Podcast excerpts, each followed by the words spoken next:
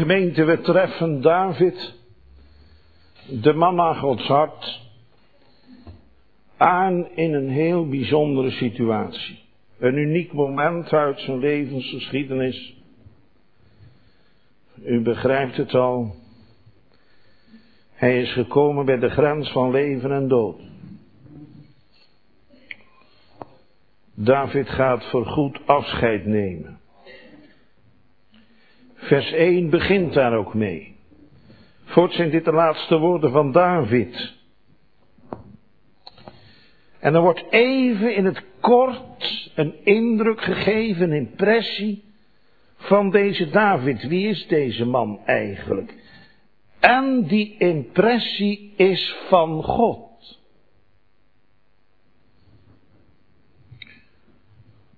Het zijn woorden die God zelf spreekt door David heen. In vers 2 staat de geest des Heren heeft tot mij gesproken. Zijn reden is op mijn tong geweest en dan in vers, in het volgende vers de God Israëls heeft gezegd en dan nog een keer de God Israëls heeft tot mij gesproken. Dus het zijn echte woorden Gods die tot ons komen.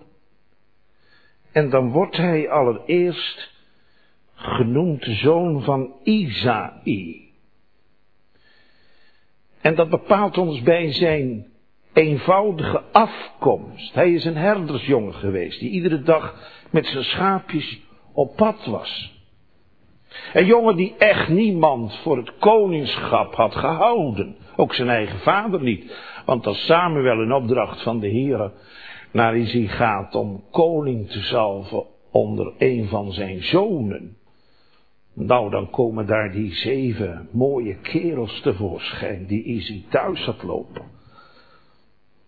En Samuel die, ja, die moet iedere keer zeggen, nee, dat is die niet. En dan zijn ze allemaal voorbijgetrokken en dan, dan zegt hij, heb je soms nog een zoon? Ja, hij heeft er nog wel een, maar die zit, die zit bij de schaap in het veld. En dan moet David komen. Zo kun je zien dat hij Gods gunsteling is geweest. Door God zelf uitverkoren om gezalfd te worden tot koning over Israël. En hij wordt door Samuel gezalfd. Hij is de eenvoud. En dan vervolgens staat er. En de man die hoog is opgericht. Immers, hij is koning geworden. Koning van Israël. Een jongen die bij de schapen leefde. Wordt dan koning over het volk van God. En God heeft hem zelf opgericht. Hij zichzelf niet groot gemaakt. Nee, God heeft hem zelf macht en aanzien gegeven. Niet alleen bij het volk, dat hij mocht dienen als koning, maar ook bij de omliggende volken. Koning David was een gevreesd koning en een gewaardeerd koning. Van Gods wegen. En dan, dan staat er de gezalfde van Jacobs God. Kijk, nu wordt ons gewezen op de op de verbondsrelatie die God heeft gelegd tussen de oudvaderen, de aartsvaderen, Abraham, Isaac en Jacob. Dat waren de vaderen waarmee God dat heerlijke verbond had opgericht. En in die lijn zou God voortgaan. Om die meerdere Davidszoon, de Jezus Christus, uiteindelijk geboren te doen worden. En wij leven in de dagen van dat vent. Wij zien uit naar de geboorte van hem, maar meer nog naar zijn wederkomst. Over zijn eerste komst heen mogen we weten dat hij nog eenmaal zal wederkomen als die grote Davidszoon om dan zijn koninkrijk voor eeuwig en altijd op te richten. Dan zal er een nieuwe hemel en een nieuwe aarde zijn waarop gerechtigheid zal wonen. De God van Jacob heeft hem een gezalfde gemaakt.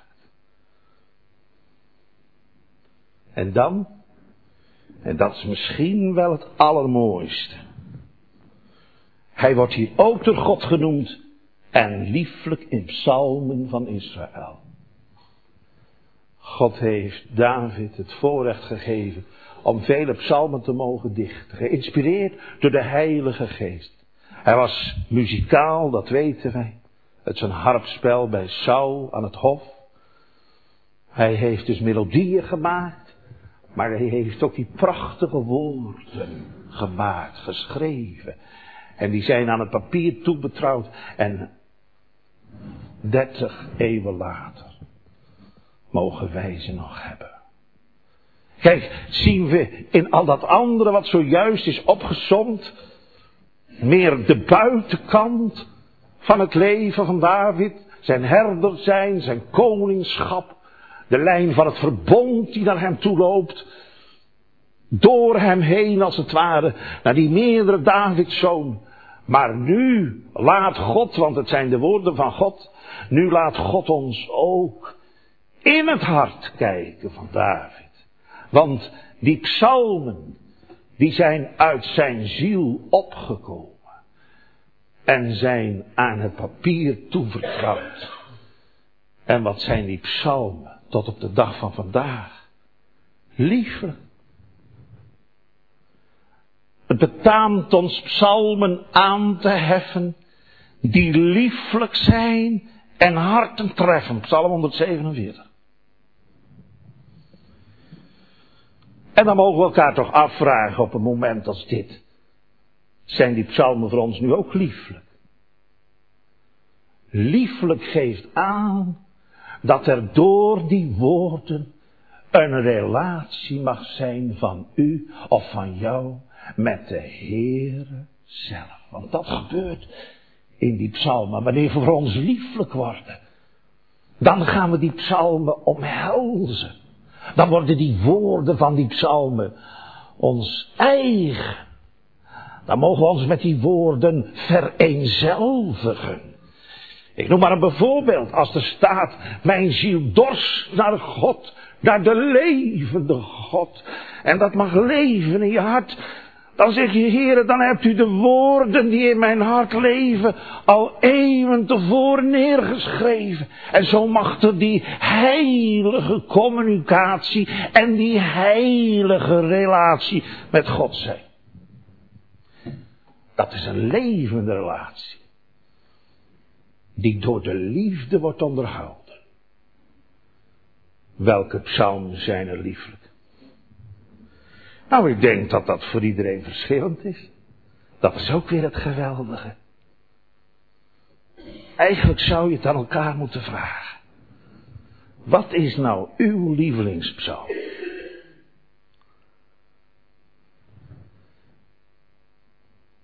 Wat is jouw lievelingspsalm? En dan moet je er gelijk bij vragen. En waarom eigenlijk? Kijk, dan kom je tot een geestelijk gesprek. Het zal misschien eens een aanzet zijn voor een huisbezoek. Hebt u ook een lievelingspsalm? Of met welke psalm zou u begraven willen worden? Of met welke psalm wil u uw 25-jarig huwelijksfeest gedenken?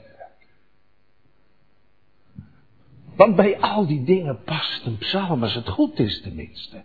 Kijk, als die psalmons niet zeggen, dan zeg ik ja, ik vind ze allemaal even mooi. Dan ben je er natuurlijk gelijk vanaf. Ik vind ze allemaal even mooi.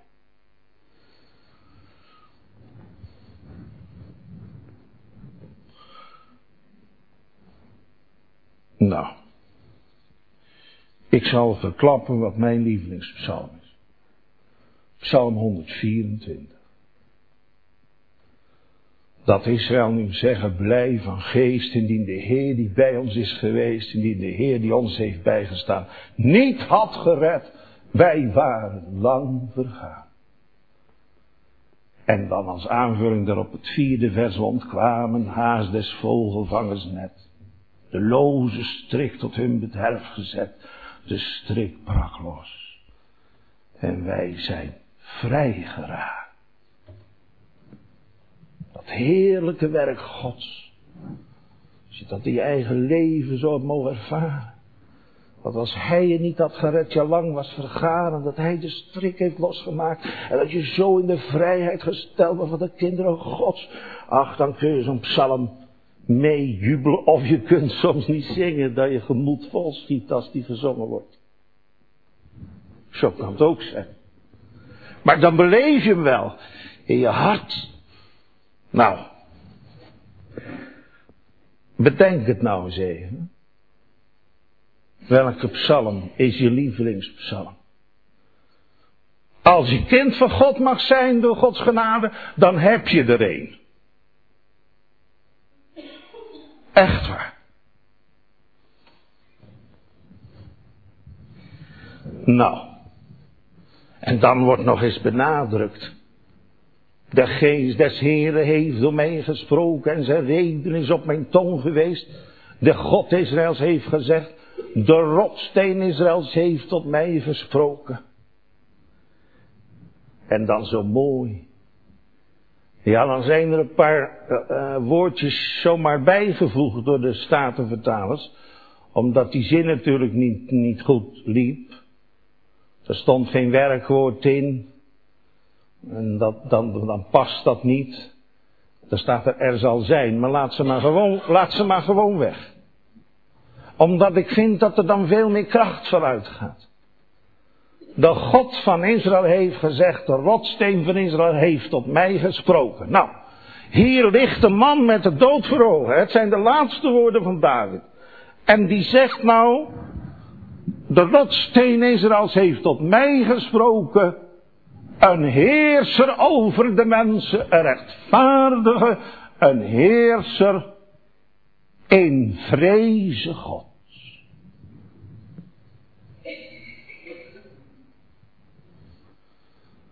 En dan moet je die woorden lezen in relatie tot dat vijfde vers, alhoewel mijn ziel al zo niet is bij God. Hier wordt ineens die heerser getoond, die rechtvaardige in de vreze Gods. Nou, wij begrijpen allemaal over wie die het heeft. Over de Heer Jezus Christus. Over die grote Davidszoon die zal komen. En wat je wel vaker ziet in de Bijbel is dit, dat eerste komst en tweede komst als het ware aan elkaar gekoppeld zijn. Je moet soms heel goed opletten. Gaat het nou over zijn geboorte en komst in, in, in deze wereld? Of gaat het nou over zijn wederkomst? Nou, het gaat hier ook weer over beide. Kijk, als het over een heerser gaat, dan zeggen we nee, dat, dat is hij in zijn eerste komst niet geweest. Wat heeft hij zich juist, hoewel hij de gezalfde was en de grote Davidszoon, maar wat heeft hij zich altijd bescheiden opgesteld? Als hij spreekt over de rechtvaardige, ja, dan zie ik hem als waar in deze wereld die heerlijke gang gaan die koninklijke weg gaan. Maar dan een weg van vernedering. En van klein zijn. En van ootmoedig zijn. Hij zegt het ook tegen zijn discipelen. Leer van mij dat ik zachtmoedig ben. En, en nederig van hart. Die rechtvaardige. Hoewel mijn huis al zo niet is bij God. Nee, David mag nou afzien van, van alles wat er in zijn leven is gepasseerd. Hij mag zijn oog nu richten op Christus. Kijk, en daar gaat het om, gemeente. Dat wij op die rechtvaardige heerser mogen zien. Die gewandeld heeft in de vreze gods. Die mijn wandel en wandel volkomen en volmaakt en smetteloos en heilig heeft overgedaan.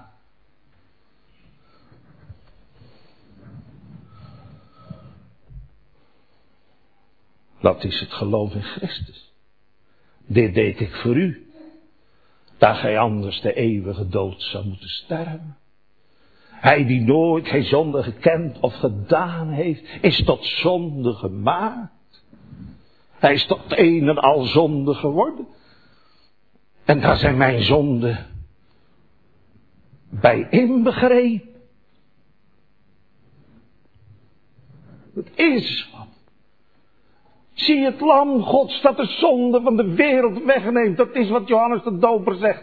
Als hij Jezus Christus ziet.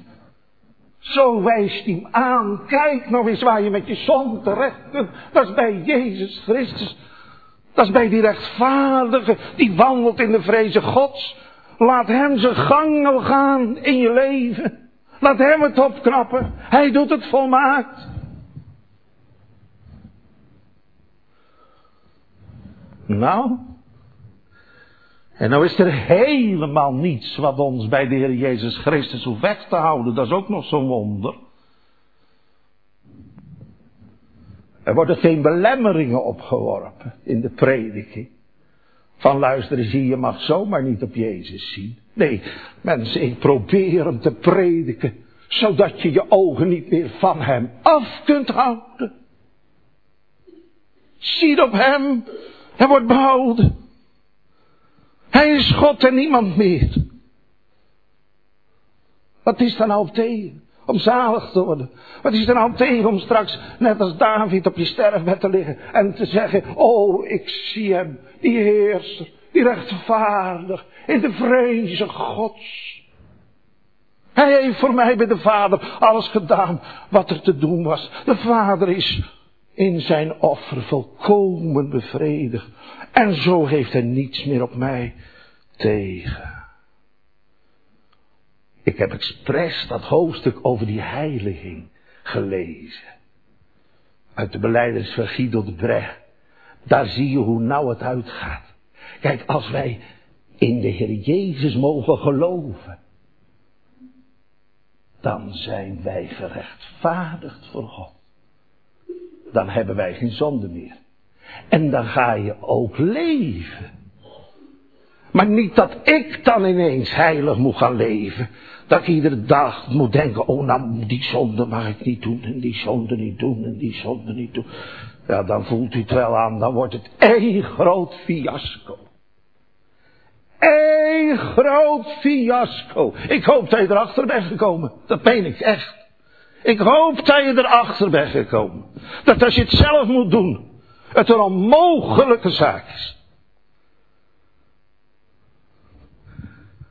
Alleen als ik zie op Hem, dan wandel ik achter Hem aan en wordt mijn leven door Hem geheiligd.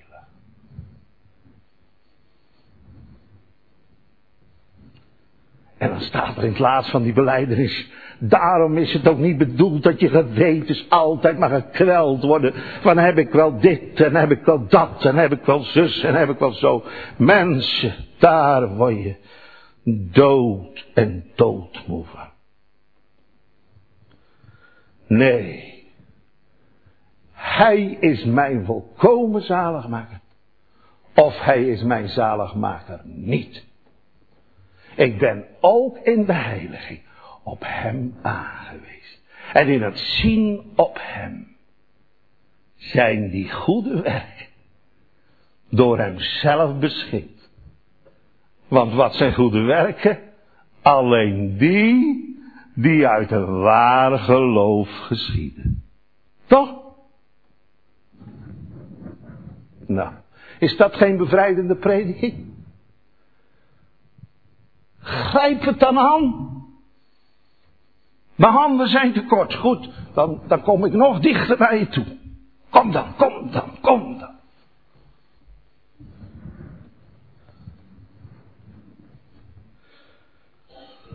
Hoewel mijn huis al zo niet is bij God. Ja, je zou zeggen dat past niet in de preek. Nou, dat is nou het geweldige. Dat kan dus. Het moet zo. Want we hebben het gehoord dat God spreekt. God moffelt dat niet onder de tafel. Nee, we hebben nu gehoord van die, van die heerser en van die rechtvaardige. Die wandelt in de, in de vrezen gods. Daarbij wordt eigenlijk nog een stukje van de, laten we zeggen, van de tweede komst in die nieuwe hemel en nieuwe aarde aan ons meegedeeld. En hij zal zijn gelijk het licht van de morgen. Wanneer de zon opgaat. Des morgens zonder wolken, wanneer van de glans naar de regen de grasscheutjes uit de aarde voortkomen. Het is paradijselijk. Het geeft iets van die onuitsprekelijke vrede weer die aanstaande is.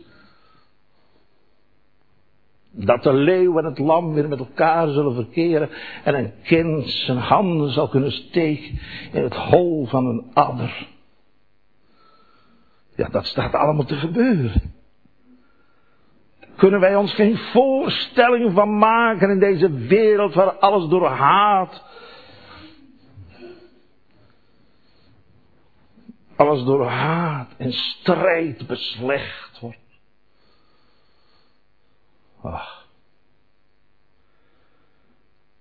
Hoewel mijn huis al zo niet is bij God. Ja, ja. David, man, je bent zo rijk bevoorrecht mens, door God gezelf tot koning bestemd, voor de eeuwige zaligheid. Maar ondertussen. Zijn huis is niet zo zoals we het zojuist geschetst hebben. In die rechtvaardigheid en in die vreze gods. En met het oog op die, die vrede die aanstaande is. Zo is mijn huis niet bij God geweest. Luister hè.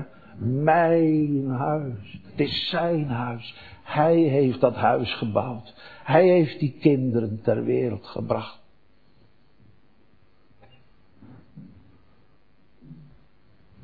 Mijn huis. Het is niet bij God geweest. Zoals het moest. Die psalmen zei ik zijn lieflijk. Psalm 3 is een psalm van David. Daarin lezen wij hoe hij door zijn zoon Absalom achtervolgd wordt. Vader David die huis en haard moet verlaten om de doodsdreiging van zo'n Absalom te ontvluchten. En het is niet alleen Absalom, nee, er zijn tienduizend vijanden. O Heer, hoe zijn tegenstanders vermenigvuldigd. Velen staan tegen mij op. Natuurlijk, Absalom had genoeg mensen om zich heen verzameld om een staatsgreep uh, te plegen. Dat legt David allemaal in die psalm vast. Maar kijk eens. Dat is ook die psalm. Die spreekt over God als zijn schild. Maar trouwe God gij zijt. Het schild dat mij bevrijdt. Mijn Heer, mijn vast betrouwen. Op u vest ik het oog. Gij heft mij het hoofd omhoog en doet me uw gunst aanschouwen. Psalm 3. Een schild. En dat speciaal God in Christus. Nou, ook de kinderen weten wat een schild is. Schild is bedoeld om de slagen op te vangen die uitgedeeld worden. Of de pijlen die op je afgeschoten worden. Te weren van je lichaam.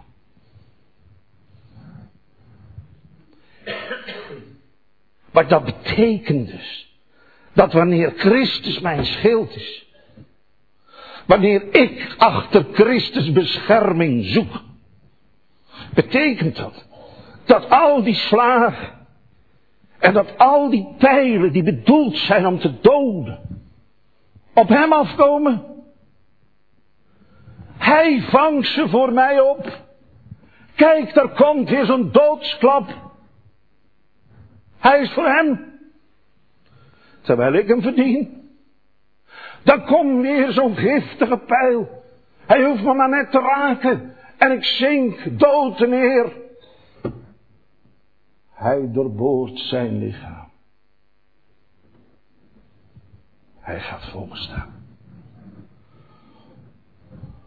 Zo'n Christus te mogen preken. Je hoort het nergens in de wereld. welke godsdienst je ook zou onderzoeken. Dit hoor je nergens. Dit is het volstrekt unieke aan het christendom. Dat hij voor mij gaat staan. Waarom? Omdat ik zo'n geweldige kerel ben? Omdat ik zo trouw ben? Omdat ik zo goed ben? Omdat ik zoveel van hem hou? Nee. Ik moet helemaal niks van hem hebben. Ik ben een vijand van hem. Als aan mij ligt, schiet ik de pijlen ook nog op zijn lichaam af. Zo is de situatie van huis uit. En het wordt anders als hij ons te sterk wordt. Weet je hoe hij dat doet? Wel eenvoudig. Dan neemt hij een pijl die gedompeld is in zijn bloed. Aan die pijl zit zoveel liefde, dat als die eenmaal je hart heeft geraakt, dan kom je nooit meer van hem los. Nou. En dan wil je maar schild hebben. Iemand die zoveel liefde stelt tegenover zoveel vijandschap en tegenkanting. Ja, die mogen we dan aan ons hart sluiten en mogen we voor ons houden. En hij doet het met al de liefde van zijn hart.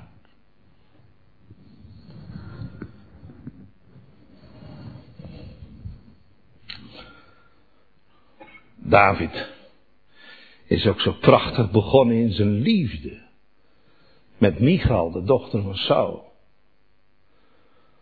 Michal, die was verliefd geraakt op, op David. En ze wilde hem zo graag hebben. En David was verliefd op Michal. Nou, beter kan het niet. Dat is, dat is de basis voor een goed huwelijk. Als je alle twee erg veel van elkaar houdt. En dan, dan zit Saul toch de boel nog te saboteren. Hij wil die dochter wel geven, maar dan moet jij David maar zorgen dat hier 200 voorhuiden van Filistijnen komen te liggen bij mij. Maak er maar eens 200 dood van die mannen. Laat maar eens zien wat voor schoonzoon ik krijg. En hij doet het. Hij doet het. Misschien wat een, wat een man dat geweest is, die David. Hij komt met 200 vooruit thuis van de Filistijnen. En hij krijgt Michal. En die twee die zijn gelukkig.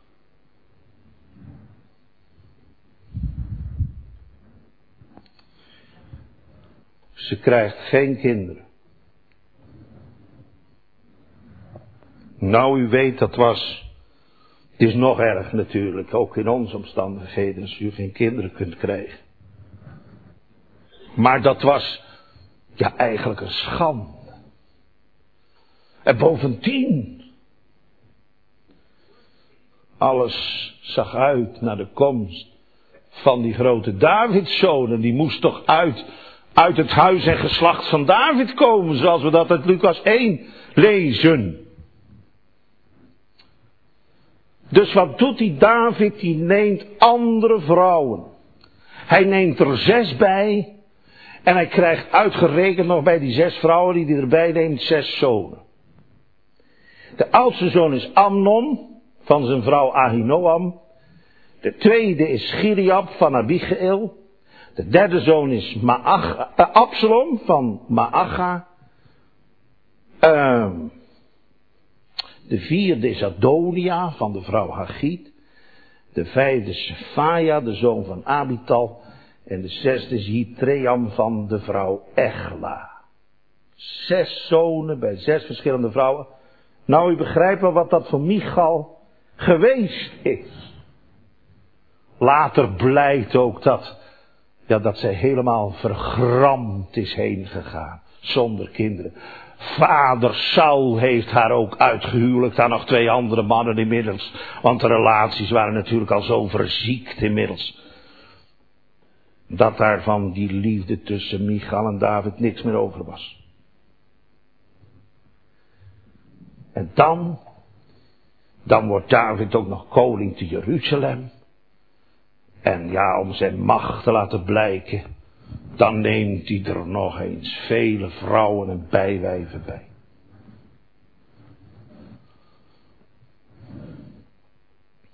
Nou, we hebben vanmorgen gehoord hoe dat mogelijk is.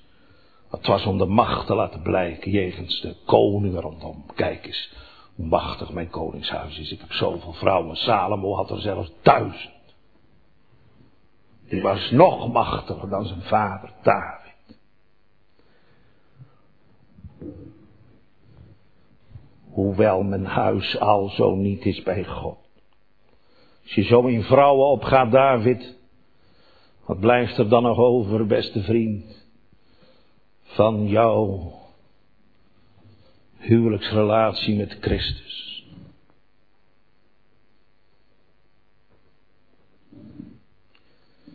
Kijk eens. Nou heeft hij zoveel vrouwen. En dan ziet hij een vrouw baden op het dak.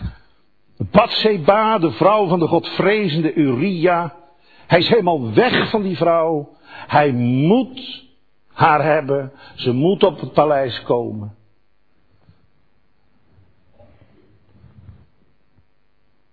En ze raakt zwanger van hem.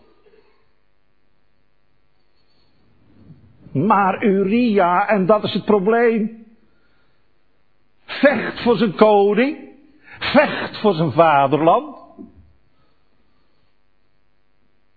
is op het strijdveld. En dit is wat zijn koning met zijn vrouw doet. David zit ermee. Hoewel mijn huis al zo niet is bij God. Wat doet hij? Gaat een brief naar de opperbevelhebber Joab. Uria moet zo snel mogelijk naar huis komen. En hij komt thuis en hij komt bij het paleis van de koning. En de koning ontbiedt hem. En die zegt, jongen, ga maar naar huis. Neem wat rust.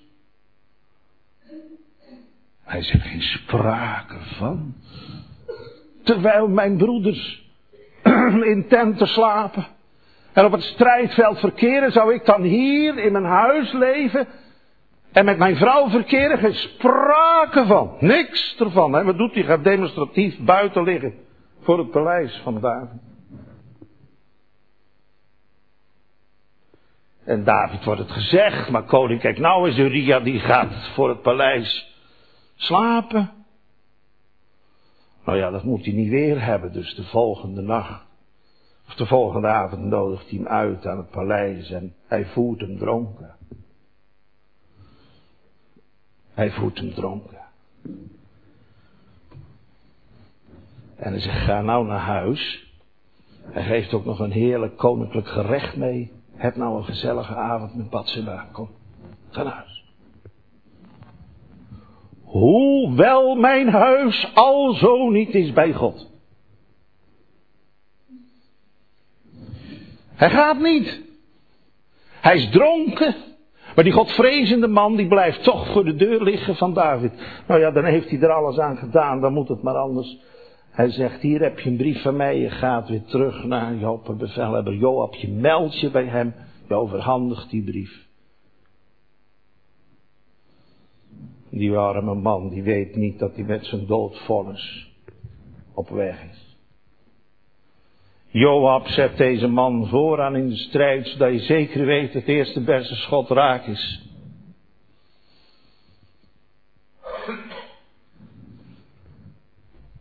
En dat gebeurt.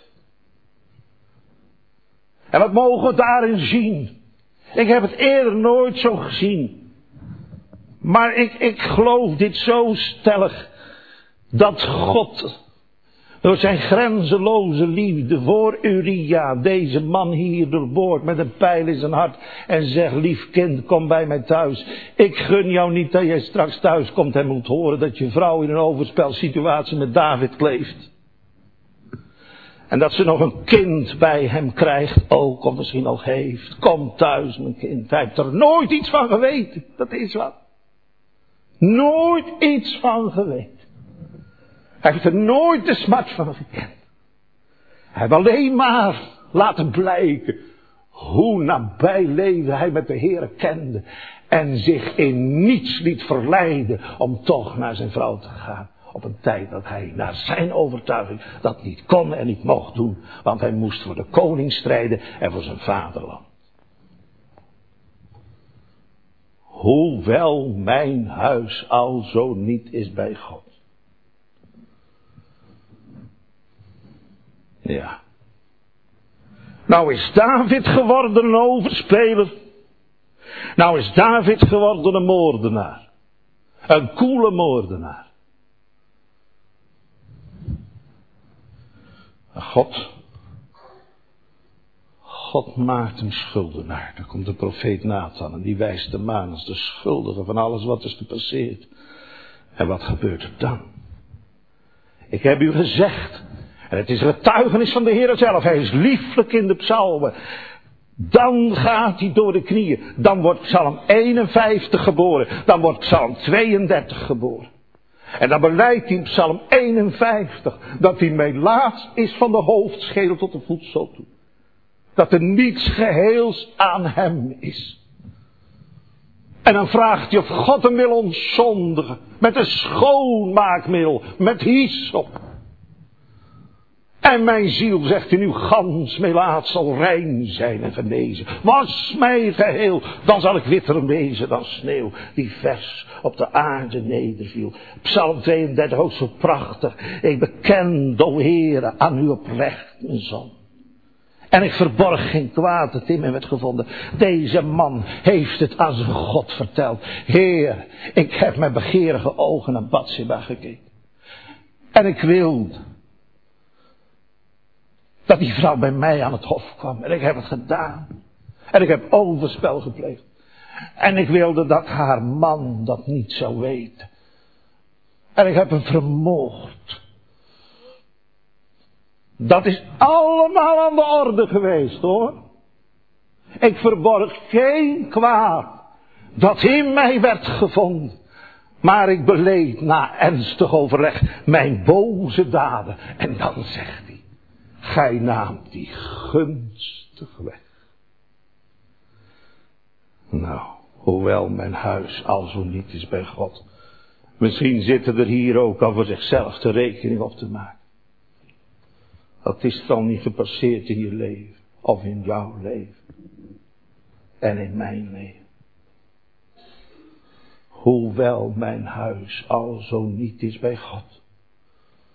Ja, je kan wel een hoop vrouwen hebben, David. En je hebt een hoop zonen gekregen. Maar het zijn allemaal zonen van andere vrouwen. Moet eens kijken wat er gebeurt. Je oudste zoon is ziek. En die wordt verzorgd door de bediende van het paleis. Maar die oudste zoon Amnon, die is helemaal, helemaal gek op die prachtige zuster van Absalom. Tamar heet ze. Palmbol betekent dat letterlijk. Zo'n statige, mooie vrouw. Oh, wat zou ik die graag hebben. En, en hij is ziek en hij vraagt aan die bediende nodig Tamar eens uit om bij mij te komen. En dan probeert hij haar te verkrachten. Maar Tamar heeft zich zo verdedigd. En hij is daar zo boos om geworden. Dat, dat er staat dat de haat waarmee hij haar haatte was groter dan de liefde waarmee hij haar lief had.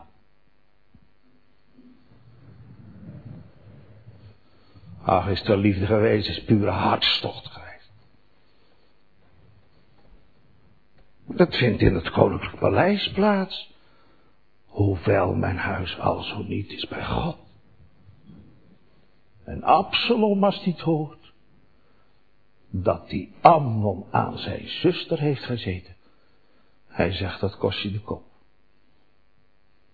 Dit doe jij niet ongestraft. Amnon wordt vermoord door zijn broer Absalom. Hoewel mijn huis al zo niet is bij God.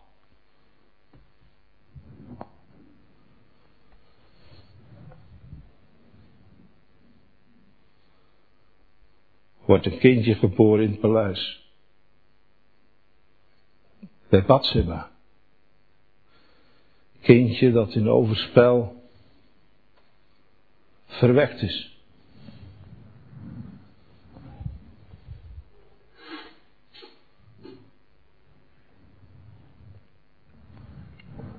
De paleisarts die zegt, koning,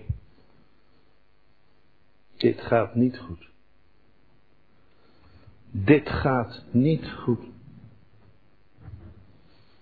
Dit kindje redt het niet. En David die gaat naar zijn kamer. En hij werpt zich voor zijn God neer. Hij eet niet en hij drinkt niet. Hij strijdt om het behoud van dat kind. Maar op de zevende dag sterft het kind. De bedienden durven haast niet naar zijn kamer toe te gaan. Ze kloppen op de deur. David zegt, wat is er? Koning, het kindje is overleden.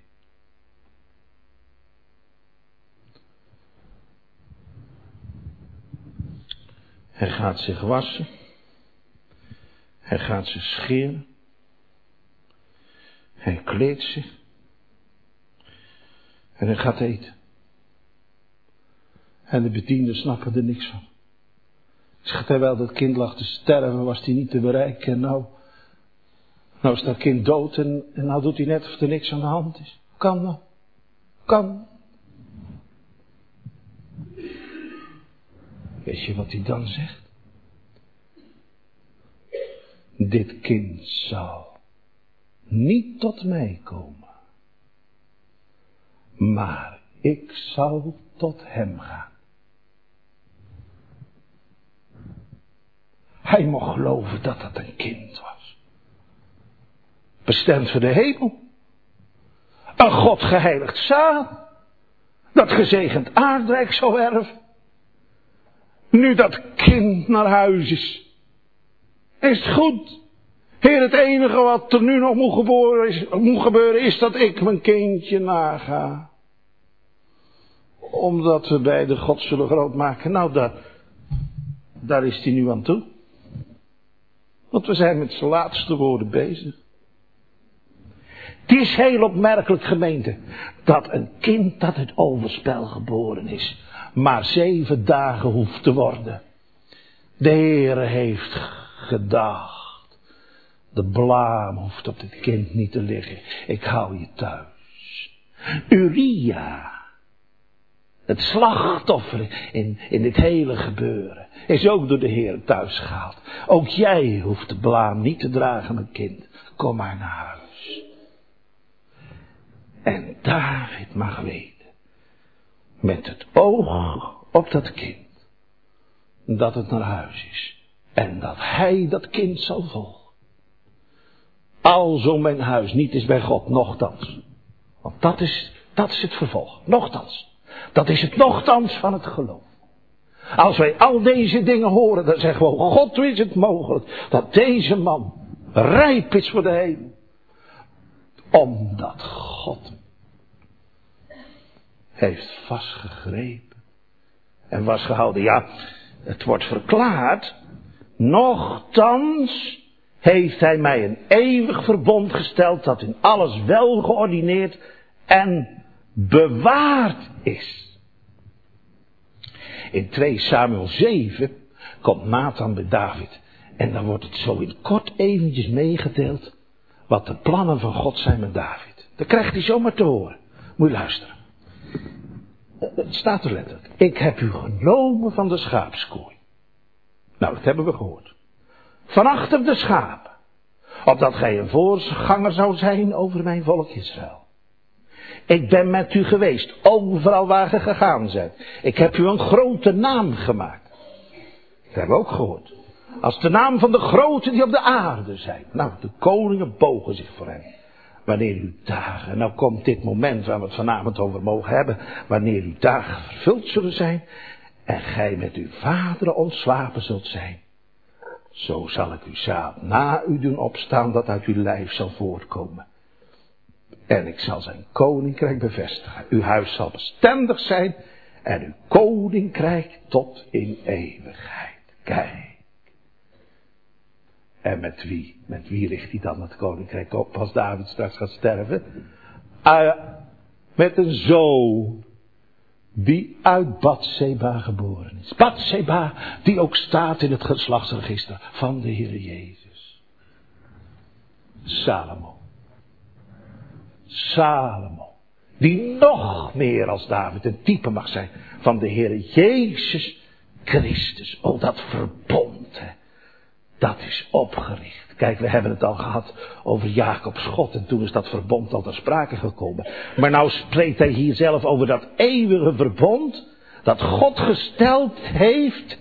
En God heeft dat verbond opgericht en hij heeft het wel geordineerd, dat wil zeggen, hij heeft het buitengewoon goed in elkaar gezet. En wij weten wat dat eeuwige verbond inhoudt. Dat God van eeuwigheid gedachten des vredes over zondaren heeft gehad en niet des kwaads. En dat omwille van de Heer Jezus Christus. En zijn komst verwachten wij. We leven naar zijn komst toe. Straks is weer kerst. Dan wordt die verbondsmiddelaar in de kribben gelegd. Ja, waarom? Waarom in de kribben? Nou, iedereen kan zo even binnenlopen. Dat is de bedoeling natuurlijk. Hij ligt niet uh, aan Paleis Noordeinde. Of in het Witte Huis. Daar ligt hij niet. Daar komt geen sterveling binnen. Nee, hij ligt in de stal. Kom maar. De deur staat open. Wie zalig wil worden, die moet gewoon de stal binnenlopen en bij dat kind neerknielen en zeggen, dierbaar Heer Jezus, ik wil gebruik van u maken. Nou, je kan hem geen groter eer geven. Geen groter eer geven. Dan zo naar hem toe te gaan. U hoeft niet te wachten tot 25 december. Nee, u mag zo binnenkomen nu. Want dat verbond, dat is wel geordineerd en bewaard. Nou, geweldig toch. Als je hier die man 3000 jaar geleden over hoort spreken. En wij zitten er vandaag de dag over te spreken alsof het vandaag gebeurd is. Want zo actueel is dat woord gewoon. Het komt over je heen. Alsof je in die geschiedenis staat. Zo bewaart hij dat. Zo goed zit het in elkaar, zo goed steekt het in elkaar. Hij laat nog steeds mensen, dienaren, dat woord verkondigen om ons in dat getuigenis van Christus mee te nemen. Voorzeker staat er dan, prachtige, voorzeker is daarin, dat staat er niet, schuin gedrukt staat er niet, voorzeker is al mijn heil en alle lust. Kijk, het is wel in dat verbond gelegen.